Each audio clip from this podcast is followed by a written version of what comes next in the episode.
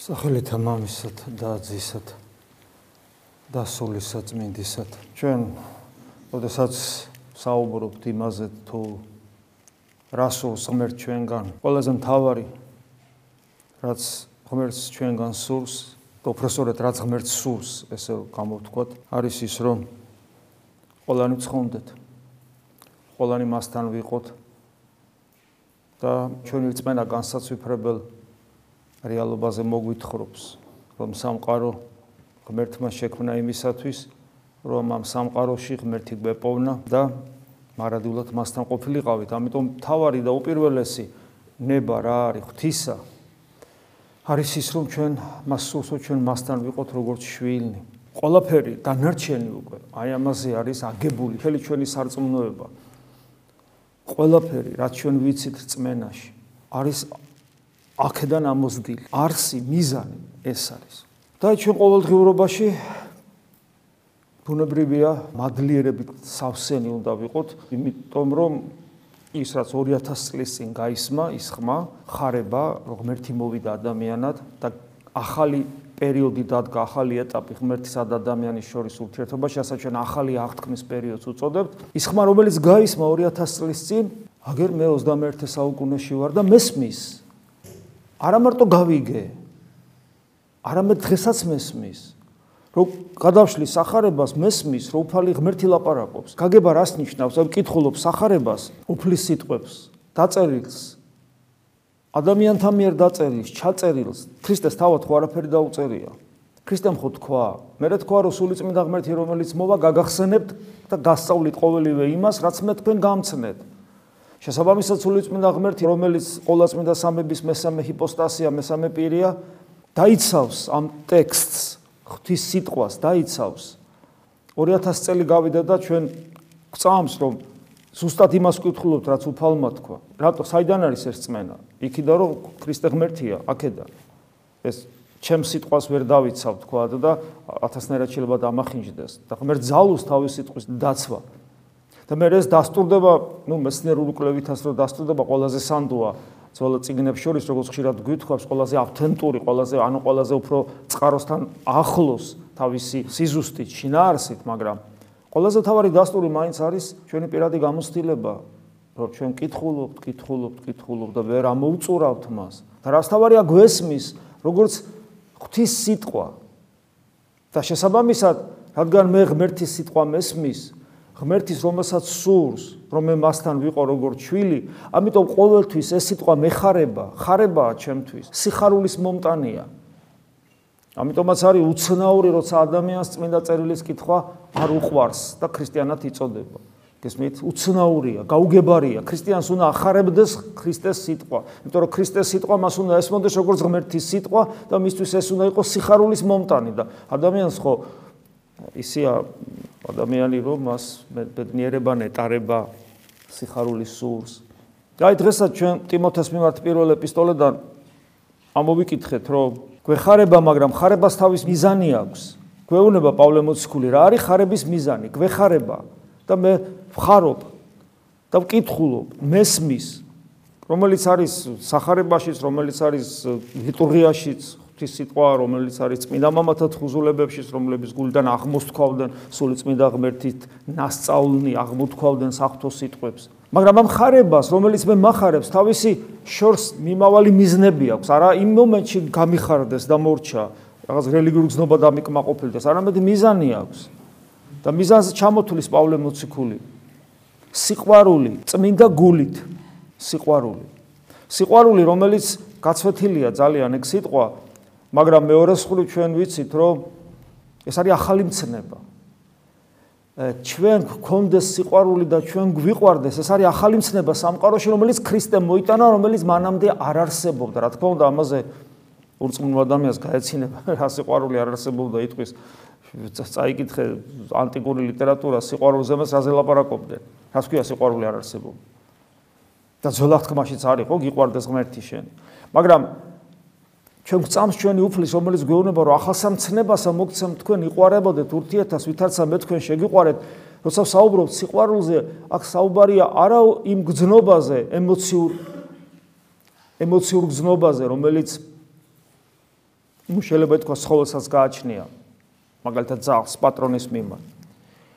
არამედ იმ სიყვარულზეა საუბარი რომელიც ყოვლა წმინდა ღმერთის ყოვლა წმინდა სამება ღმერთის შიდა ცხოვრებაში არსებობს შიდა ცხოვრებაში როდესაც ყოვლა წმინდა სამების წევრებს ერთმანეთი უყვართ და შესაბამისად მათ გონება მიუწვდომელი სიყვარულით უყვართ ადამიანი.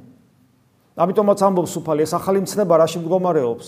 რომ ჩვენ ისე უნდა გვიყვარდეს ერთმანეთი, როგორც მან შეგვიყვარა, მან შეგვიყვარა. ამიტომ სიყვარული, ახალი მცნება, სიყვარული განსაკუთრებული მდგომარეობა და მას ჭირდება წმინდა გული. რას ნიშნავს წმინდა გული? წმინდა გული არ არის მართალი გული უბრალოდ, წმინდა გული არ არის ნეობრივი გული. წმინდა გული არ არის ის გული, რომელიც ცუც არ ჩადის. წმინდა გული არის გული, რომელშიც ღმერთი ცხოვრობს. ანუ სიყვარულს, რომელზეც არის საუბარი, ხარების მიზანი, ანუ მე რო ვკითხულობ სახარებას, მე რო ღვთის სიტყვა მესმის, მე რო მესმის სიტყვა ღვთის სიტყვა ლიტურგიის დროს, მიზანი არის ის, რომ ჩემს გულში ღმერთი დამკვიდრდეს. მიზანია სიყვარული წმინდა გულით, ანუ ჩემში ღმერთი დამკვიდრდეს. ახაც აი ეს მისტიკა, ყოველთვის ამას ხას რატო უსვავთ? იმიტომ რომ აი ეს ილუზია იმისა, რომ ჩვენ ჩვენი ზნეობრივი და კარგი ცხოვრებით უნდა განვითარდეთ და ეს არის ჩვენი მიზანი ქრისტიანული. ან თქვა, უნდა გქონდეს ღვაწლი, რომელი ღვაწლითაც ჩვენ რაღაცას მივახწევთ და ეს ეს ეს საერთოდ ქრისტიანობა არ არის. ღვაწლის მიზანი ხშირად გვითხოვს, ღვაწლის მიზანი არ არის ის, რომ ღვაწლით მე ღმერთი ვაიძულო ჩემთან იყოს. ღვაწლში ვლინდება ჩემი სურვილი ვიყო ღმერთთან. არც მეტი, არც ნაკლები, მეტი არაფერი. ღვაწლი თუ არა გაქვს, ესე იგი შენ ღმერთთან ყოფნა არ გინდა. და თუ ღვაწლი გაქვს ეს ნიშნავს რომ შენ ღმერთთან ყოფნა გინდა. მაგრამ რო გინდა ჯერ არაფერს ნიშნავს.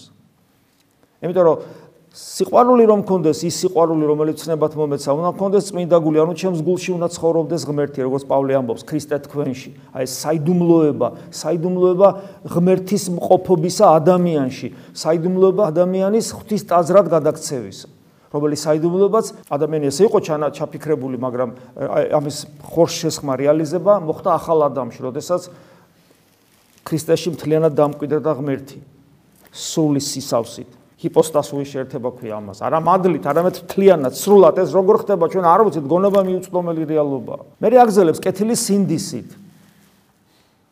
სინდისი ძველ ქართულში თარგმანია როგორც გონება. მე სიმართლე გითხრათ ფილოლოგი არა ვარ, ამიტომ ზუსტ მიზეს ვერ გეტყვით, რატო თარგმნა ექვთიმე თაწმინდელმა სინდისი გონებად, მაგრამ მეორე ხრი, აი საფრთხისმოწყალო თვალსაზრისით ესე ვფიქრობ, რომ აბსოლუტურად სწორია, ხშირად გეუბნებით. სინდისი არის შემეცნების უნარი ადამიანის, რომელსაც შეუძლია ზნეობრივი კანონის აღქმა და მათ შორის საფრთხო ზნეობრივი კანონის, საფრთხო კანონის აღქმა შეუძლია.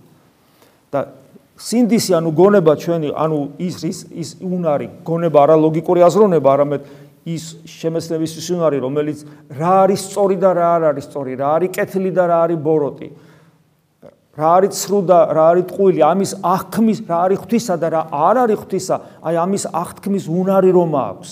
ამის შემეცნების ამას ამას შემეცნება ჭირდება იმიტომ რომ ადამიანებმა ეს თავისთავად ეს შეიძლება საერთოდ არ იცოდნენ ადამიანი შეიძლება საერთოდ ვერ მიხვდეს. აი მაგალითად ეკლესიის გარეთ მყოფი ადამიანი კითხულობს წმინდა წერილს და ვერ იგებს.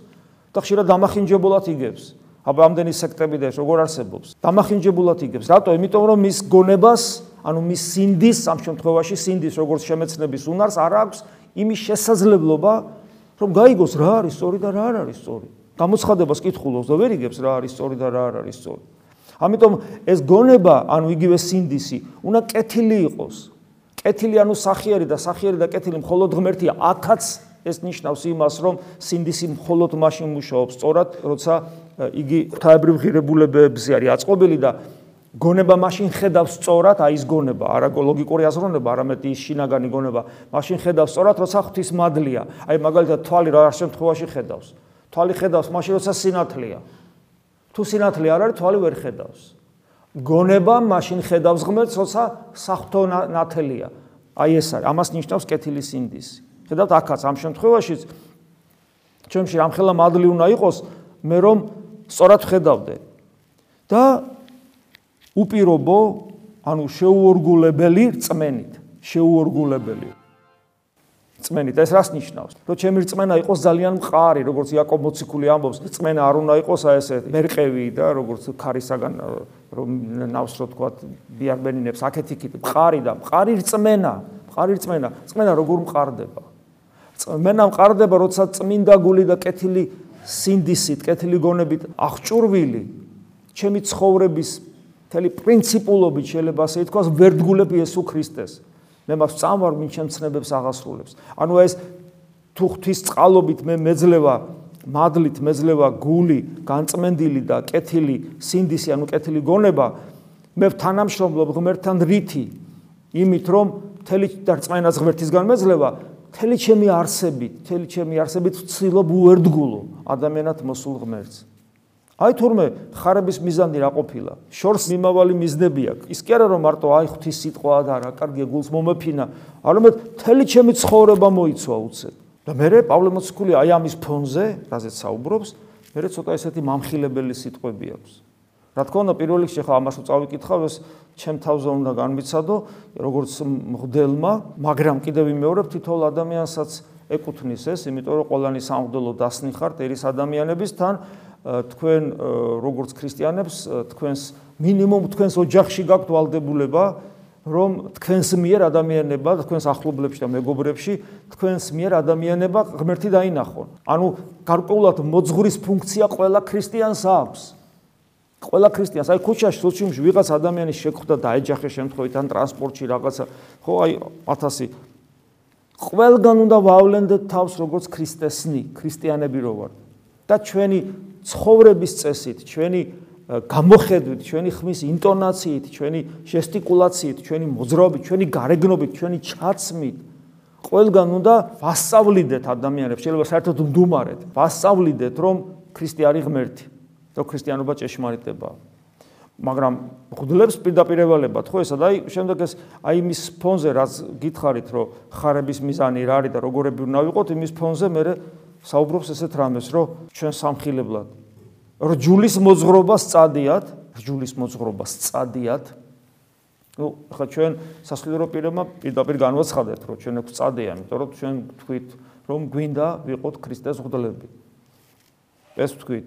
ეს საკმაოდ საშიში არჩევანია, მინდა გითხრათ, რომ არ იყოს ჩვენში, რომ არ გვეხმარებოდეს აი საფრთხო ცეცხლი პირდაპირ ესე შეიძლება დავარქვათ ამას.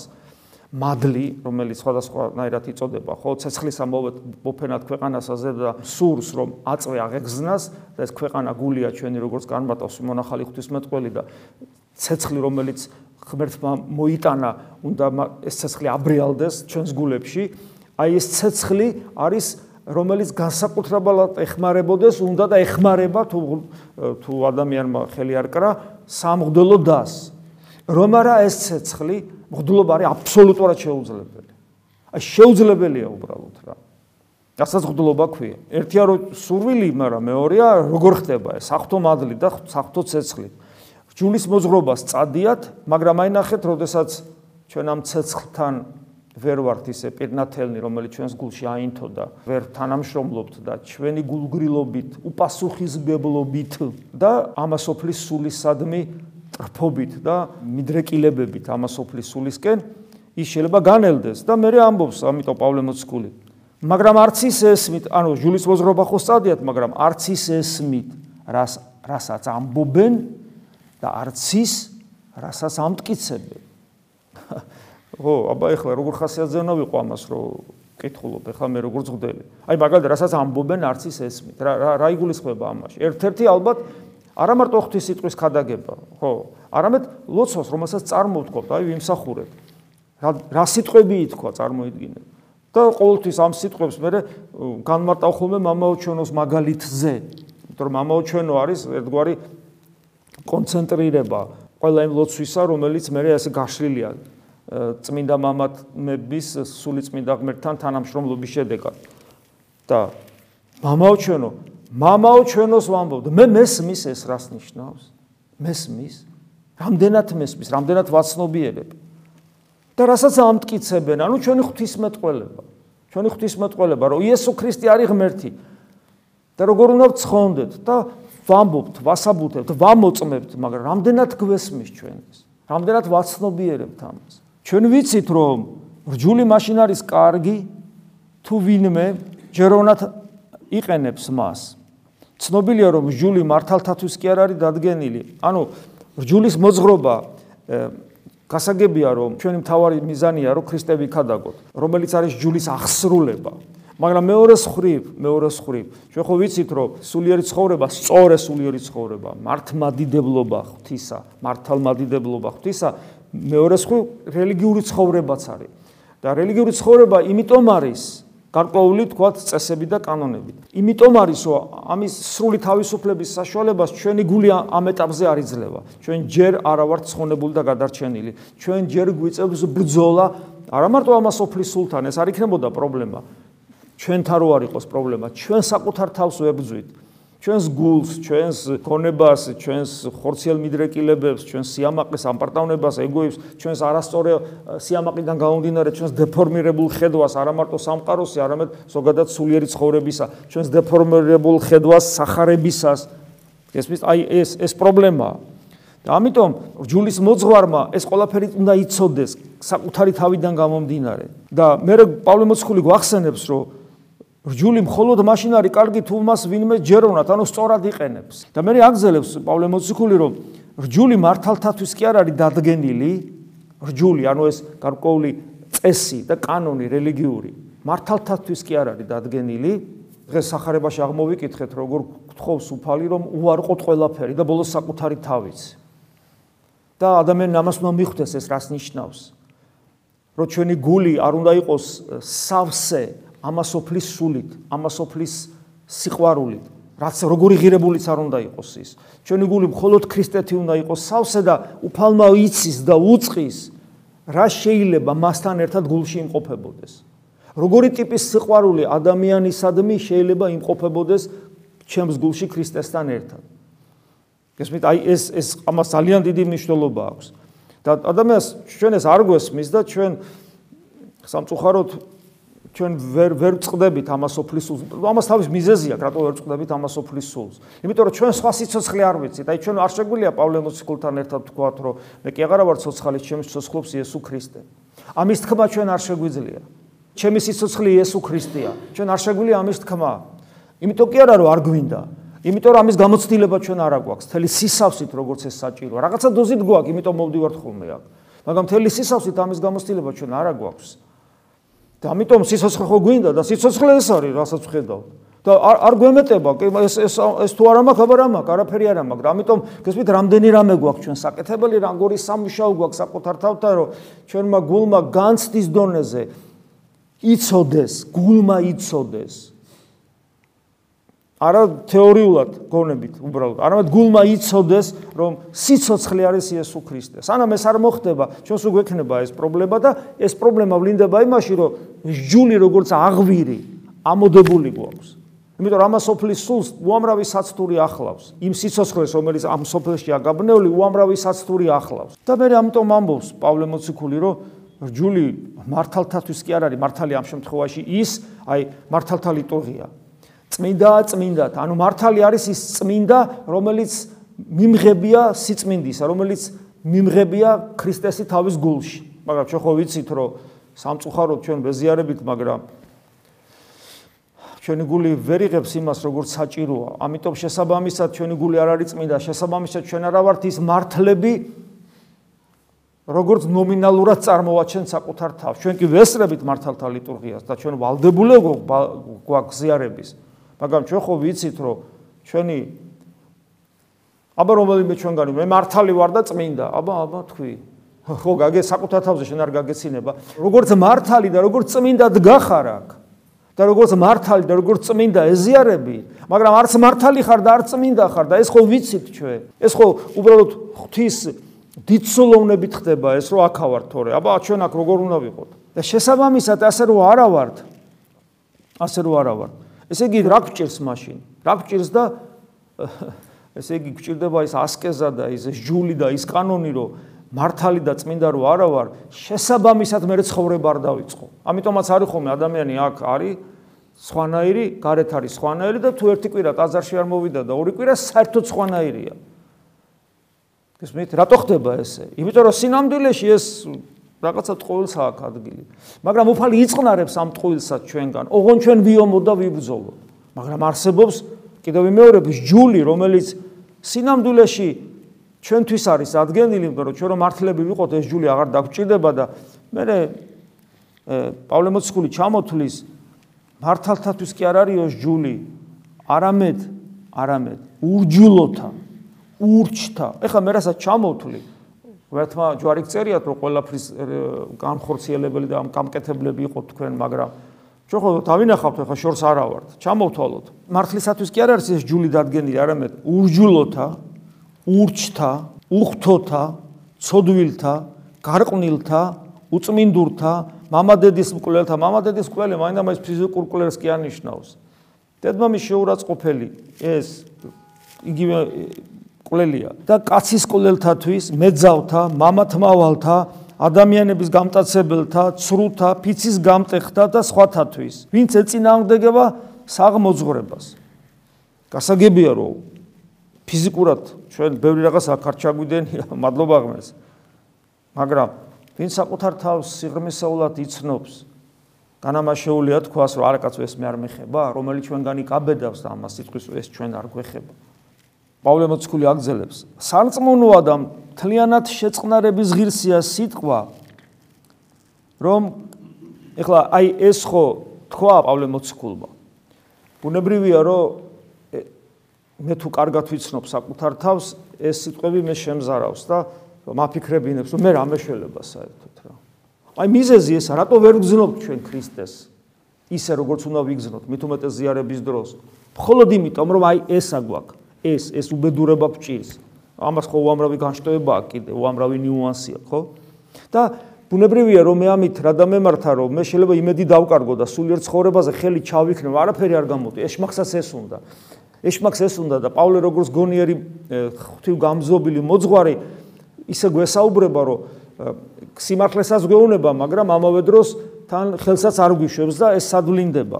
ამის მერე როცა ეს თქვა აგძელებს, სარწმუნოა და მთლიანად შეწყნარების ღირსია სიტყვა, რომ ქრისტე იესო მოევლინა ქვეყნიერებას ცოდვილთა სახსნელად. მეუბნება, რომ კი თეოდორე, მე მესმის, რომ შენ შეწუხდი, რომ აი ეს უბედურება შენშიც არის, მაგრამ ნუ გეშინია. უფალი სწორედ იმიტომ მოვიდა თეოდორე, რომ შენ გადაგარჩინოს, შენ ცოდვილი ხარ, კაია რომ ამის აღქმა გაქვს და შენს გადასარჩენად მოვიდა.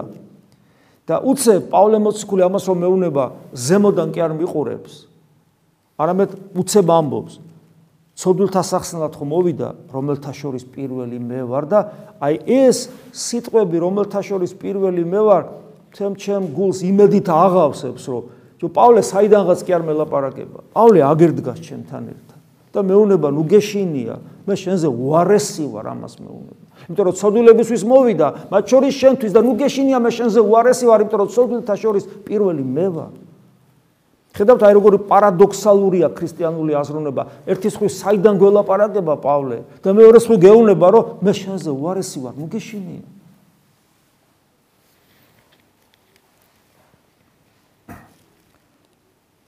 და შემდეგ უცებ ტიმოთეს ეუნება ტიმოთეს ეს ტიმოთესადმე წერილი ხო არის და ჩემს გასაგონად ახე რა კარგ რაღაცას ამბობს ეს გავიგე რომ უცებ შემიგული დალბება დატკბება იმედი მომეცემო რომ პავლე ესე ჩემთან არის და უცებ ისე მაფხიზლებს რომ არ მოვდუნდებ და შემე მიმეძინოს რომ პავლე თუ ჩემთან არის რაღა მიჭირს და არა. ამ ცნებას შენ განდობ შილო ტიმოთე რათა იომო როგორც კარგმა მეომარმა და უცებ ისე მაფხიზლებს კი, ეს კი შენთან ვარ, მაგრამ მე მე მე ესე ვერ გიშო, შენ უნდა მეომარი იყო და ყოლავეს წარმოვიდა, რომ ხვაწლი, რატო ვიღწვი, იმიტომ რომ ქრისტე მინდა. არ უთმობ, არაფერ, არ ანუ ქრისტიანის დამარცხება პრინციპში არის შეუძლებელი. იმიტომ რომ მიუხედავად ჩვენი სისუსტისა და უძლურებისა, თუ ჩვენ გადაწყვეტილება მიღებული გვაქვს, რომ ქრისტესნი ვართ, ჩვენი დამარცხება შეუძლებელი იმიტომ არის, რომ ღმერთი გვიწყნარებს, ასეთებს როგორიც ვართ. და ბოლოს ამბობს, რომ ეს ყველაფერი, რასაც გესაუბრებით, ეს კეთილია და სათნოა ჩვენი მაცხოვრის ღმერთის წინაშე. აი ესე ხედვა, რასაც მე გეუნებით, პავლე გეუნება. ეს კეთილი და სათნოა ღმერთის წინაშე და ის რომ შენ ცოდულობის განცდაც უნდა კონდეს, ის რომ შენ იმედიც არ უნდა დაკარგო უფლისა და პავლე განხმევებს ის რომ შენ უნდა იომო, ის რომ შენ უნდა სიყვარული მოიპოვო, გული განიწმინდო, სინდისი კეთილი უნდა გქონდეს და ასე შემდეგ, ეს ყველაფერი კარგია. რატომ? იმიტომ რომ ღმერთს სურს, რომ ყველა ადამიანი გადარჩეს და გადარჩენის პროცესში მიწვდეს ჭეშმარიტების შემეცნებას. აი ესე იმედიანად თავდება დღევანდელი საკითხავი და რა თქმა უნდა ეს კიდევ ერთხელ წარმოაჩენს ჩვენს საქმეს, ჩვენს საკეთებელს, კიდევ ერთხელ გვაფიქრებს იმაზე თუ რა გვწამს, რა რწმენა მოგცა ღმერთმა და რა არის ჩვენი საკეთებელი. უფალი შეგვეციოს ამ მადლი უფლისა ჩვენისა იესო ქრისტეს და სიყვარული ღმრთისა და მამის და ზიარება სულისა წმინდის იყოს თქვენ ყოველთა თან. ამინ.